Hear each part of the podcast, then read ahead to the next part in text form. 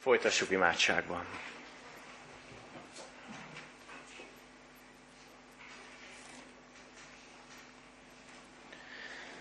Urunk, ha ez a város még teljesen nem is, de ez a templom már megtelt a Te dicséreteddel.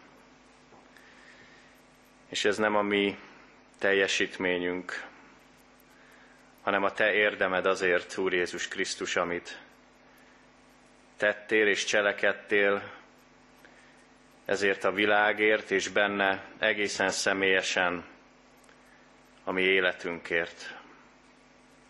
Nincs méltó senki rajtad kívül az áldásra, a tisztességre, a hálaadásra. Köszönjük neked, Úr Jézus Krisztus, hogy ismerhetjük a te hangodat, mert te egészen közel jöttél hozzánk. Köszönjük neked, hogy te is ismersz bennünket név szerint, hiszen nagyon drágák és nagyon kedvesek vagyunk neked egytől egyig mindannyian. Köszönjük azt, hogy nem szűnsz meg keresni bennünket, és köszönjük azt, hogy azt ígérted, hogy aki hozzád jön, azt te nem küldöd el magadtól. Urunk, annyiféleképpen jövünk, és annyiféleképpen vagyunk most itt. Köszönjük, hogy mindannyiunkhoz van és lesz szavad, mert Te ezt megígérted azoknak, akik nyitott szívvel, alázattal keresnek Téged. Urunk, annak a reménységében vagyunk itt, hogy ma sem szól a Te igét hiába. Cselekedj azon keresztül. Kérünk Téged, Szentlélek, ahogy énekeltük is, szállj le mireánk, és taníts, vezérelj, incs, bátoríts, buzdíts, erősíts, kinek-kinek mire van itt most szüksége. Rád nézünk továbbra is, Urunk, tőled várunk mindent. Szólj, kérünk, mert hallják a tieid. Ámen. Nagy szeretettel köszöntök én is mindenkit, és nagy öröm számomra, hogy itt lehetek köztetek, és ez nem ilyen bevett klisé. Nagyon megfogott az, amivel Gergő kezdte, hogy mit a szélén ülünk, mondtad a zenekar, és a lényegre figyeljünk, és a lényegre figyeljetek. Szeretném én is ennek jegyében folytatni. Gergő azt mondta, bármivel készülhetsz, a Szentírás üzenetén belül természetesen, és ezért én a kedvenc elhívás történetemet hoztam, Márk evangéliumának a második fejezetéből. Ugye Márk evangéliumával már hetek, hónapok óta a református vezérfonal szerint foglalkozunk, szóval azt gondolom, hogy sokan nagyon benne vagyunk ebben az evangéliumban aktuálisan is. De ez a történet már nagyon-nagyon régóta a kedvenceim között van. Ezt olvasnám Márk evangélium második, fej, második fejezetéből a 13. és a 17. versek közötti szakaszt, Máténak az elhívását. Amikor tovább haladt Jézus, meglátta Lévit, az Alfeus fiát, aki a vámszedő helyen ült, és így szólt hozzá, köves engem, az pedig felkelt, és követte őt. És történt, hogy mikor Lévi házában az asztalnál ült, sok vámszedő és bűnös is oda telepedett Jézus és a tanítványok mellé, mivel sokan voltak és követték őt amint a farizeusok közül való írástudók látták, hogy bűnösökkel, meg vámszedőkkel eszik együtt, szóltak tanítványainak, hogy a vámszedőkkel és a bűnösökkel eszik. Amikor ezt Jézus meghallotta, így szólt hozzájuk. Nem az egészségeseknek van szükségük orvosra, hanem a betegeknek. Én nem azért jöttem, hogy az igazakat hívjam, hanem hogy a bűnösöket. Ámen. Márk evangéliumának a felépítése, a forgatókönyve az olyan, mint egy nagyon pörgős akciófilm. Egymás után egyik izgalmas jelenetből ugrálunk a másikba. Ez ma egy nagyon bevett filmes technika, de szinte így láthatjuk magunk előtt, ha végig gondoljátok az egész evangéliumot, hogy szinte már a legelejétől nagyon intenzíven és nagyon pörgősen egyik történet, egyik esemény jön a másik után. Csodás gyógyítások, beszédes konfrontáció a sötét szellemi erőkkel, pusztai megkísértés, és még csak az első fejezet végéig jutottunk. Míg más evangélium fejezeteken át felvezeti a nagy történetet, már kezd elintézi összesen hat darab igeversel. És rögtön a lényegébe csap bele, rögtön a lényegnél van. De érdekes lehet a kérdés talán, és számunkra fontos is lesz a későbbiekben, hogy vajon miért ez a nagyon intenzív, nagyon sűrű tempó. Talán kicsit felületes lenne az evangélista? Ez egy nagyon erőltetett kérdés volt, mert persze, hogy nem. Valami célja van azzal Márknak, hogy rögtön belecsap a közepébe. Nem felületesség, nem felszínesség, hanem pont ellenkezőleg. Az a szélvész tempó, ami az egész evangéliumot jellemzi, és ami a legelejétől már része a leírásoknak, nagyon-nagyon sokszor szerepel például ez a szó, hogy azonnal, azonnal, azonnal. Ez valami másra, valami nagyon fontosra akar itt utalni. Már tisztában van valamivel, amivel nekünk is, mai igehallgatóknak és mai tanítványoknak újra és újra tisztába kell lennünk. Az első fejezet 15. versében már kimondja Jézus. Betelt az idő. Elközelített az Isten országa. Térjetek meg, és higgyetek az evangéliumban. Ez valahol máshol mondjuk úgy a közepén, a csúcsponton kéne, hogy legyen, ahova kifut minden, igaz? Jézus itt rögtön az elején, Márknál ezt már kimondja. És ez a sürgető, nagyon intenzív történés áradat, ami Márk evangéliumát jellemzi, emögött én érzem az evangélistától azt a szent siettetést. Emberek, mire vártok?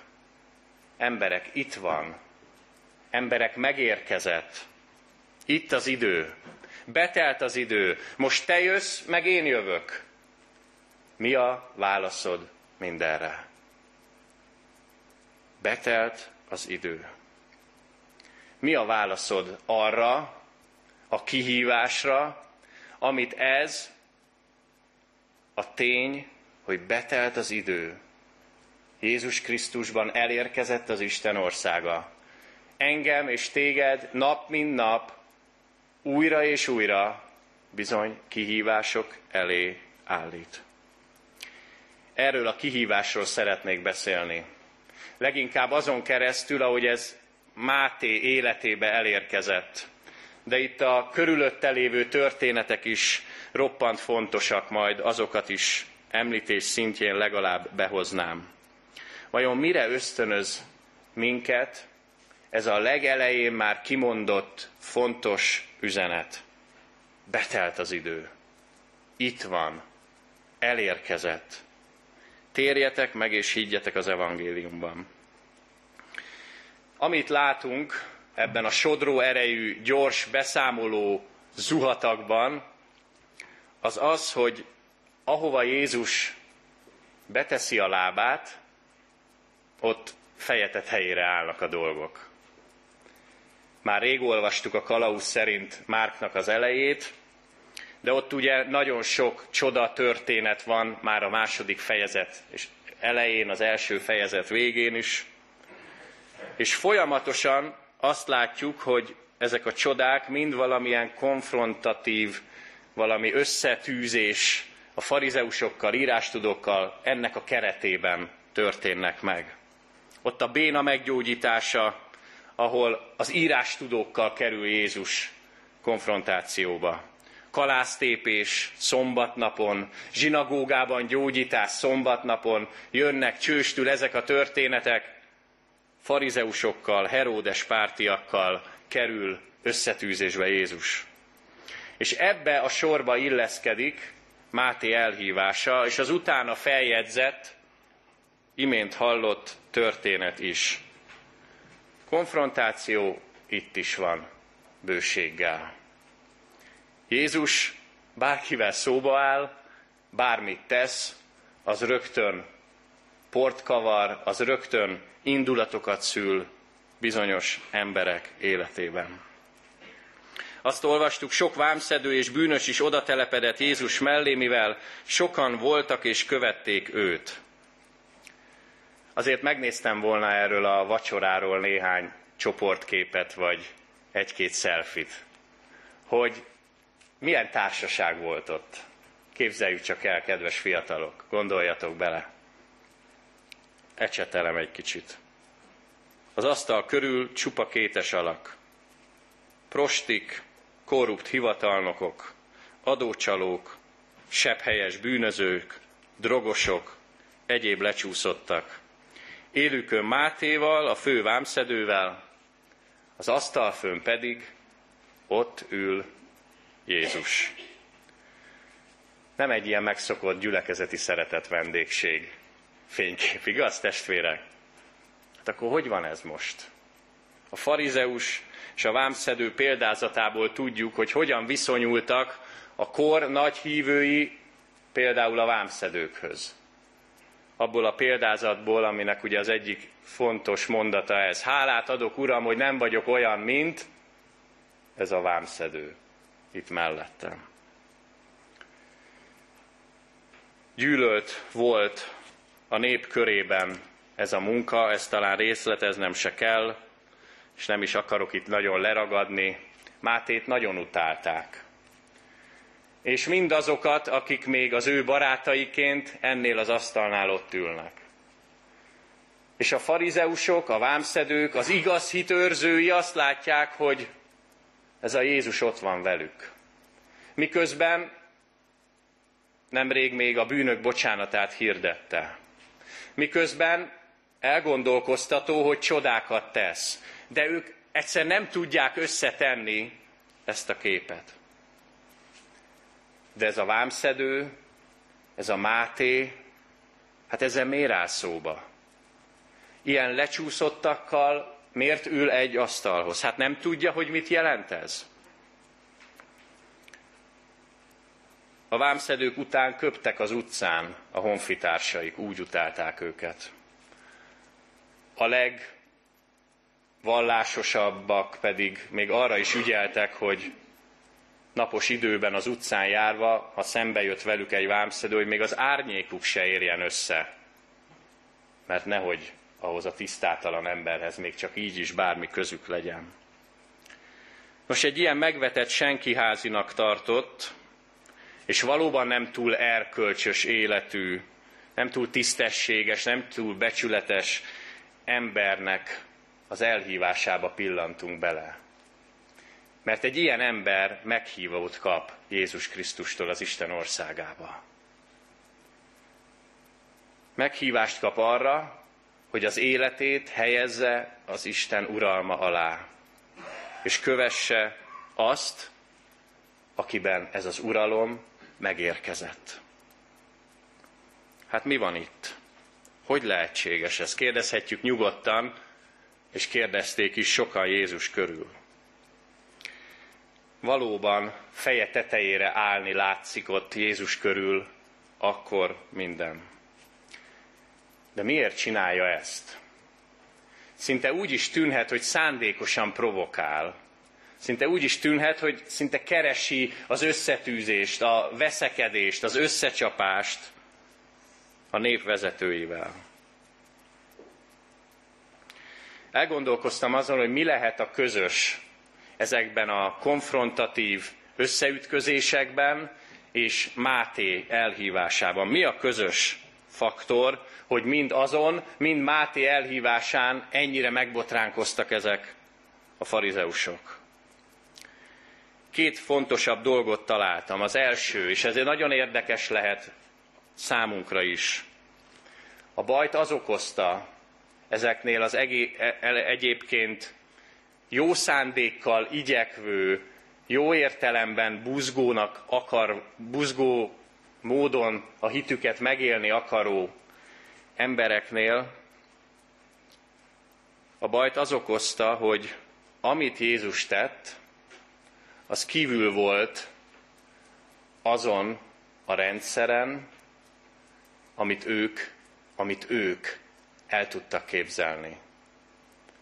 A kegyelemről, az Isten elfogadásáról, az Isten szeretetéről, úgy mindenről. Kívül esett azon a területen, amin belül ők nagyon otthonosan és jól kiépített módon mozogtak. Hirtelen jön valaki, aki teljesen másképp beszél. Ugye itt van Márknál is ez, hogy csodálkoznak is az emberek, hogy Jézus úgy beszél, hogy abban hatalom, abban erő mutatkozik meg, ilyet eddig nem tapasztaltak. És amikor szembesülnek ezzel, a farizeusok, az írástudók, akkor ez náluk nem fér bele a rendszerbe. Ők nem így gondolják. Számukra ez nem lehetséges, és mégis. Most itt van valaki, aki elgondolkoztató módon és botrányosan mást és máshogyan mond. Ők nagyon sokat tettek azért, hogy elfogadottak legyenek. Most meg jön ez a názáreti ácslegény, rabbinak tartja magát, és teljesen kitárja ennek az elfogadásnak a kapuit olyanokra, akikre ők még a legmerészebb álmaikban sem gondoltak volna, hogy Isten még őket is befogadja. Aztán a másik, hogy érdekes meglátni a következőt is, hogy Jézus mindenkit keres. Mindenféle embert. És ezekkel a történésekkel, a csodákkal, meg Máté elhívásával is sokkal többeket akart elérni és megszólítani, mint pusztán azokat az embereket. Kötekedés lett volna a sok szombatnapi csoda? Nem. Hanem egy kihívás. A törvény betűje által bezárt írástudók és farizeusok világa felé. Kötekedett volna a betegekkel, amikor azt mondta neki az egyiknek, kelj fel, a másiknak azt, hogy nyújtsd ki a kezed? Hisz pont ez nem ment nekik. Hát itt is pont az a bizonyos kihívás. Miben mutathatod meg igazán, hogy bízol bennem, ha nem azzal, hogy az én szavamra megpróbálod, ami eddig nem ment. Ez a kihívás a farizeusok felé, ez a kihívás a betegek felé, ez a kihívás Máté felé is, akinek az élete nem megy és nem működik igazán. Neki nyomós érvei voltak, hogy egy jól bezárt konténer irodában, rácsos ablakok mögött tegye a dolgát, amiért busásan megfizetik, csak az emberek között ne kelljen forgolódnia, mert ott semmi jó nem várt rá. Jézus felé is nagy kihívással közeledik.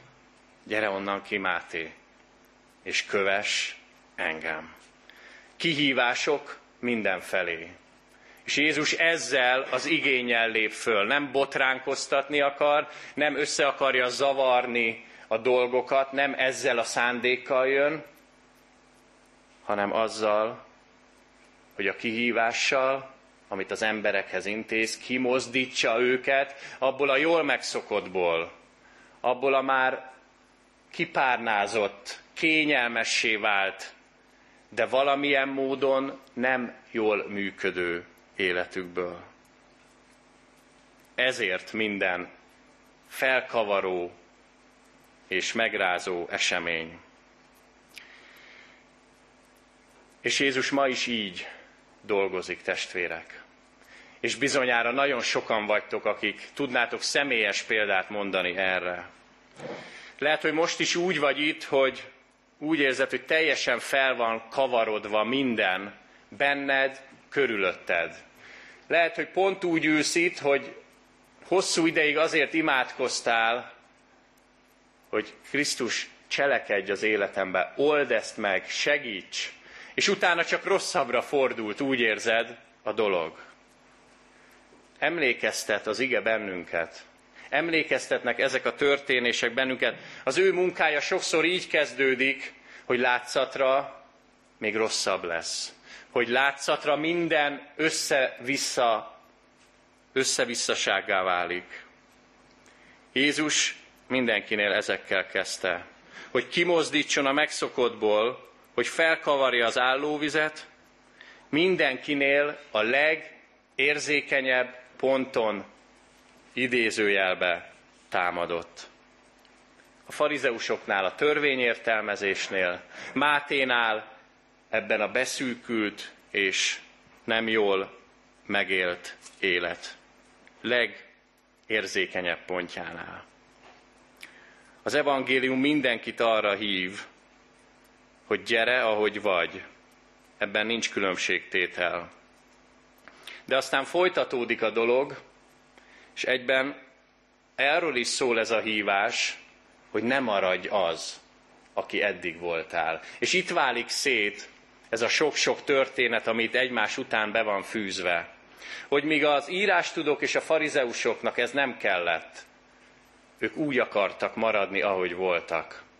Addig Máté úgy reagált, hogy abból Jézus elhívásának a teljessége kibontakozhatott. Máténál azt gondolom, hogy a kihívás, a bizalmat találta el kőkeményen. Az az ember, akinek már nem sok mindenkibe lehetett bizalma, egy olyan kihívást kap, ahol pont ezt kell tudnia megélni. Biztos láttátok a híreket nemrég, kedves testvérek, a Duna fölött egy szál drótkötélen kifeszítve átsétáló artistáról. 40 méter magasan, egy 22 mm-es drótkötélen minden biztosíték nélkül. Valaki esetleg nem látta élőben ezt az attrakciót? Talán egy hónappal ezelőtt volt. Nem semmi teljesítmény, tele volt vele a sajtó. Nekem eszembe jutott erről egy klasszikus történet, egy hasonló műveletről, csak sokkal-sokkal régebről, 1859-ben egy híres artista, egy francia artista csinálta meg ezt a mutatványt talán először, de még félelmetesebb körítéssel. A Niagara vízesésnél egy bizonyos Blondin nevezetű francia világhírű artista. A Google-in fönn vannak még a korabeli plakátoknak a képei, meg őróla is van egy kép. Nagyon sok helyen megcsinálta ezt a mutatványát, bekötött szemmel, zsákban, egy alkalommal állítólag leült omlettezni a közepén, a kifeszített drótút közepén. A legextrémebb helyzeteket csinálta meg, és itt a Niagara vízeséses attrakciójánál rátett még egy lapáttal. Az őrjöngő tömeg alig várta, hogy mi fog következni, végig tolt egy talicskát ezen a kötélen. Aztán, hogy fokozza a hangulatot, telepakolt a téglákkal. Ki tudja, ki hiszi el, hogy ezt is meg tudom csinálni? Elhisszük neked? Örjöngött a tömeg, áttolta oda, vissza. Aztán jött a következő. Ki hiszi el, hogyha beleül a talicskába, őt is áttolom oda, vissza. És a sok kéz, amelyik már extázisban lengedezett, és gyerünk blondi, te megcsinálsz bármi, értelen így mindenkinek lekerült a keze. Mikor? Amikor személyesen lettek érintetté, téve a bizalom kérdésében. Amikor igazán személyessé vált a dolog, ott már nem is volt olyan egyszerű. Ott már nem is volt olyan könnyű bízni és megbízni. Vajon velünk mi a helyzet, amikor Jézus olykor felkavaró kihívás elé állít bennünket? Lehet, hogy az életednek van egy olyan pontszerű élménye, amikor először találkoztál így Jézus Krisztussal. Amikor merted ezt a nagy bizalmi döntést meghozni, és azt mondani, hogy tiéd az irányítás. Átadom neked. De én most nem ezekről a megtérési pontokról szeretnék beszélni, és ezután be is fejezem, hanem arról, amit már gyakorló hívő emberként, a mindennapi életben járva, mert nagy többségében gondolom így vagyunk már itt. Ezért vágyódunk, ezért jövünk egy nap kétszer is templomba, igaz? Mert ott van bennünk ez a vágy, hogy szeretnénk, szeretnénk Jézus Krisztus útján járni. Szeretnénk még jobban, még jobban ismerni őt, és ennek a megismerésnek általában az egyik legjobb módja, az ő módszere az, hogy akkor újra és újra egyre nagyobb kihívások elé állít bennünket. Hogy reagálunk mi ezekre? És ez az egyetlen egy kérdés, amit szeretnék ma így a szívetekre helyezni. Máté példájából, aki ott jól válaszolt erre a kihívásra. A mindennapi hívő életet kihívásaiban mi a helyzet? És egyetlen egy kérdés még a végére. Az, hogy mikor kavart bele úgy igazán Jézus a te életedbe legutóbb. Mert ez egy jó fokmérője annak, amiről itt beszélünk. Mikor volt az, hogy úgy igazán a te megváltód, a te mestered valami olyan kihívást intézett, ami, amitől megszédültél? Vannak-e ilyenek az életünkben? Sok mindenről árulkodik. Valaki egyszer azt mondta, hogy túl nagy a rend, túl nagy a fegyelem, túl nagy a rendezettség a templomainkban, a gyülekezeteinkben. Egy kicsit hiányzik az életnek ez a része, amit itt látunk az evangéliumokban is, hogy néha Jézus jön, és nagyon felkavarja a dolgokat. Így fogalmazott nekem, tudod, hol van ilyen rend és fegyelem sokszor? A temetőben. Ott, ahol már az életnek nem sok nyoma van, de ahol az élet zajlik, ott néha fölkavarodnak a dolgok. És nem ezért könyörögtünk itt az énekben is, hogy jöjj Szentlélek, jöjj és cselekedj velünk, bennünk, általunk. Hogy néz ki az életünk ebből a szempontból? Szeretett testvérek, ez a nagy kérdése, amivel közel tudjuk hozni talán a már olyannyira jól ismert elhívás történetet Mátétól. Mikor volt az, hogy Jézus úgy igazán jól belekavart az életedbe? Ezzel a kérdéssel, ezt így itt hagyva nyitottam, zárom most le ezt az ige hirdetést. Egy kicsit gondolkozzunk el ezen, és tudjunk akár erre a kihívásra megfelelő jó választ adni neki. Ámen.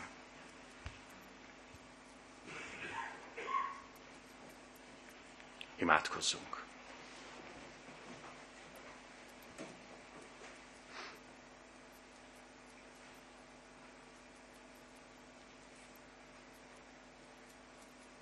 Urunk, köszönjük neked, hogy a te célod, a te szándékod, ami életünkkel világos és egyértelmű.